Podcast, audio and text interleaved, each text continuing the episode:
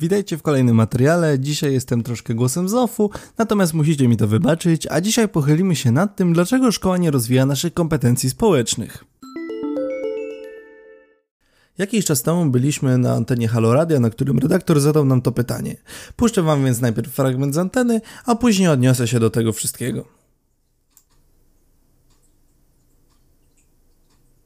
A słuchajcie, powiedzcie mi, moi drodzy, co sobie myślicie o y, czymś takim, co zwane jest kompetencjami społecznymi i od razu y, y, pozwólcie, że przejdę do sedna. Mm, te kompetencje społeczne, których nie posiadamy według bardzo różnych akademików, powodują, że my nie potrafimy patrzeć na polityków krytycznie, tylko się w nich zakochujemy.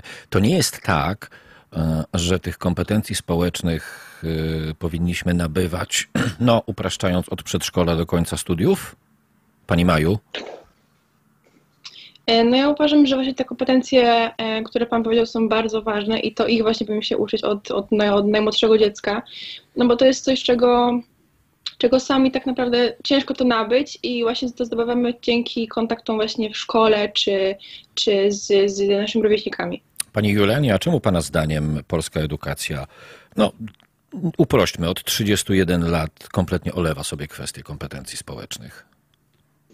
Znaczy, moim zdaniem w ogóle gdzieś polska edukacja ma taki problem, że zatrzymaliśmy się właśnie w tym starym systemie i tak tkwimy i boimy się cokolwiek ruszać, no bo zmiany w edukacji po pierwsze są bardzo czasochłonne, ponieważ no, reforma chociażby e, właśnie w Finlandii trwa kilkadziesiąt lat, a poza tym są mało atrakcyjne politycznie, ponieważ wystarczy mały błąd, no i już jesteśmy w pewien sposób i u pewnej grupy społecznej skreśleni i dlatego bardzo boimy się e, wprowadzać centralnie jakieś zmiany w edukacji, no w tym właśnie te zmiany te zmiany dotyczące nabywania kompetencji społecznych w szkole.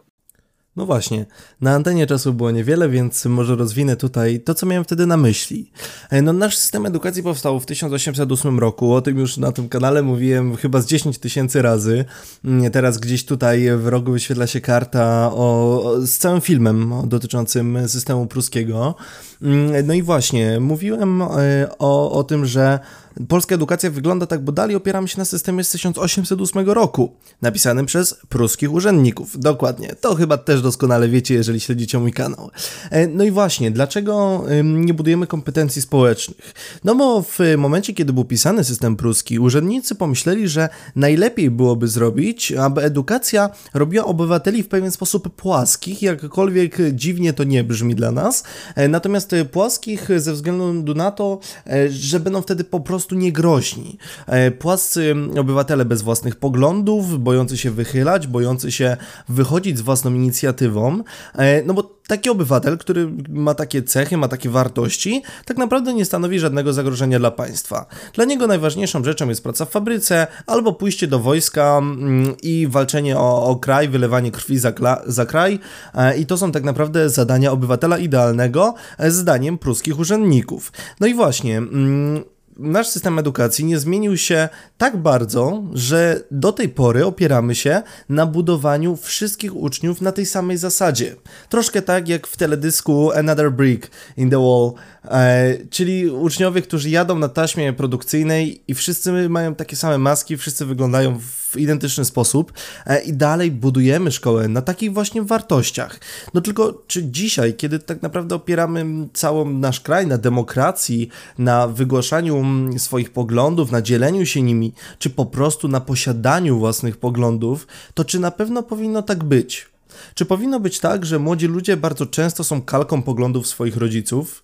Czy powinno być tak, że młodzi ludzie boją się dzielić swoimi poglądami, ponieważ boją się, że zaraz ktoś zwróci im uwagę, że zaraz szkoła zwróci im uwagę? Oczywiście nie mówimy tutaj o skrajnościach i propagowaniu jakichś systemów totalitarnych, ale często młodzi ludzie boją się podzielić po prostu swoimi poglądami najnormalniejszymi na świecie, dlatego że na przykład różnią się z poglądami dyrektora czy wychowawcy i boją się problemów. Czy godziny wychowawcze nie powinny być też troszkę miejscem, w którym uczniowie mają właśnie możliwość e, poszerzania swoich horyzontów, budowania kompetencji społecznych. Kompetencje społeczne to tak naprawdę bardzo wiele rzeczy. To nie jest tylko posiadanie własnych poglądów czy opinii. To w skład kompetencji społecznych wchodzi dużo, dużo więcej rzeczy, ale o tym będą jeszcze filmy na tym kanale, więc dzisiaj skupmy się właśnie na tych poglądach. Chyba każdy z nas, jeżeli słuchasz to jako uczeń, e, lub każdy z nas w momencie, kiedy byłeś uczniem x lat temu, e, miał w klasie, w młodszych latach, w starszych, osoby, które, mm, których poglądy były kalką poglądów rodziców. I oczywiście są osoby, których polityka czy życie społeczne w żaden sposób nie interesuje, ale czy tak powinno być? No, mamy utarty schemat w społeczeństwie mówienia, jaka polityka jest zła, że polityka to jest syf, że polityka e, to jest kradzież, kłamstwo i manipulacja i nic więcej, ale nie zdajemy sobie sprawy z tego, że polityka to zupełnie wszystko, co nas otacza. Czyż nie? No i właśnie, i teraz, czy naprawdę nie powinniśmy mieć poglądów odnośnie tego, co nas otacza? No, frekwencja na wyborach, niezależnie od rodzaju wyborów w Polsce, nie jest zadowalająca. Jestem pod wrażeniem, że nie głosuje każdy obywatel, który może głosować. No bo przecież to jest jego przyrodzone prawo. To jest jego obowiązek, obywatelski obowiązek. Ciężko jest głosować w momencie, kiedy nie wiemy, na kogo mamy głosować. Przecież bardzo często kandydaci, mimo tego, że są różni i pewnie z częścią jesteśmy w stanie się utożsamić, no to nie są w stanie nas w 100% przekonać do tego, że warto zagłosować. I oczywiście w części jest to wynik tego, że po prostu nie ufamy politykom ale jest to też wynik tego, że nie mamy własnych poglądów. Myślimy sobie, a co jak zagłosujemy źle? A co jak ta osoba okaże się, że inaczej będzie potem postępowała niż aktualnie mówi? A co jeżeli ten polityk ma inne poglądy niż ja? No i właśnie, i problem jest taki, że tak jak powiedział redaktor, zamiast patrzeć krytycznie na polityków, to my albo się w nich zakochujemy, albo w ogóle nie głosujemy i nie mamy własnych poglądów, bo te poglądy usuwa z nas szkoła. Szkoła, która jest przystosowana do życia w 1808 roku. Zresztą przez cały XIX wiek, no bo cały XIX wiek opierał się troszkę w Prusach właśnie na podobnej zasadzie. Zresztą cała re rewolucja przemysłowa przecież. Ale rewolucja przemysłowa już dawno minęła, już dawno minął okres Prus, już dawno nie toczymy bitew z Napoleonem. I teraz powinniśmy postawić na obywateli, którzy mają swoje zdanie, którzy mają swoje poglądy, którzy wiedzą po co tu są, czego chcą, czego potrzebują i nie boją się o tym mówić. I moim zdaniem to kolejne wyzwanie, przed którym stoi polska edukacja. Powinniśmy więc zastanowić się teraz, w jaki sposób możemy propagować idee obywatelskie wśród uczniów i po prostu to robić. Dziękuję bardzo serdecznie za wysłuchanie. Dzisiaj troszkę krótszy mm, film. Jeżeli dotrwał ktoś do tego momentu, niech się podzieli w komentarzu. Mam nadzieję, że taka forma jest przystępna. Możecie też się podzielić tym w komentarzu. E, jeżeli taka forma jest ok, e, to byłoby super, ponieważ e, mi jest dużo wygodniej nagrać tego typu odcinek i, i oczywiście opowiedzieć Wam o, o przeróżnych rzeczach. Dla mnie ciekawych, mam nadzieję, że dla Was również. Ja życzę wszystkim miłego tygodnia. No i do usłyszenia.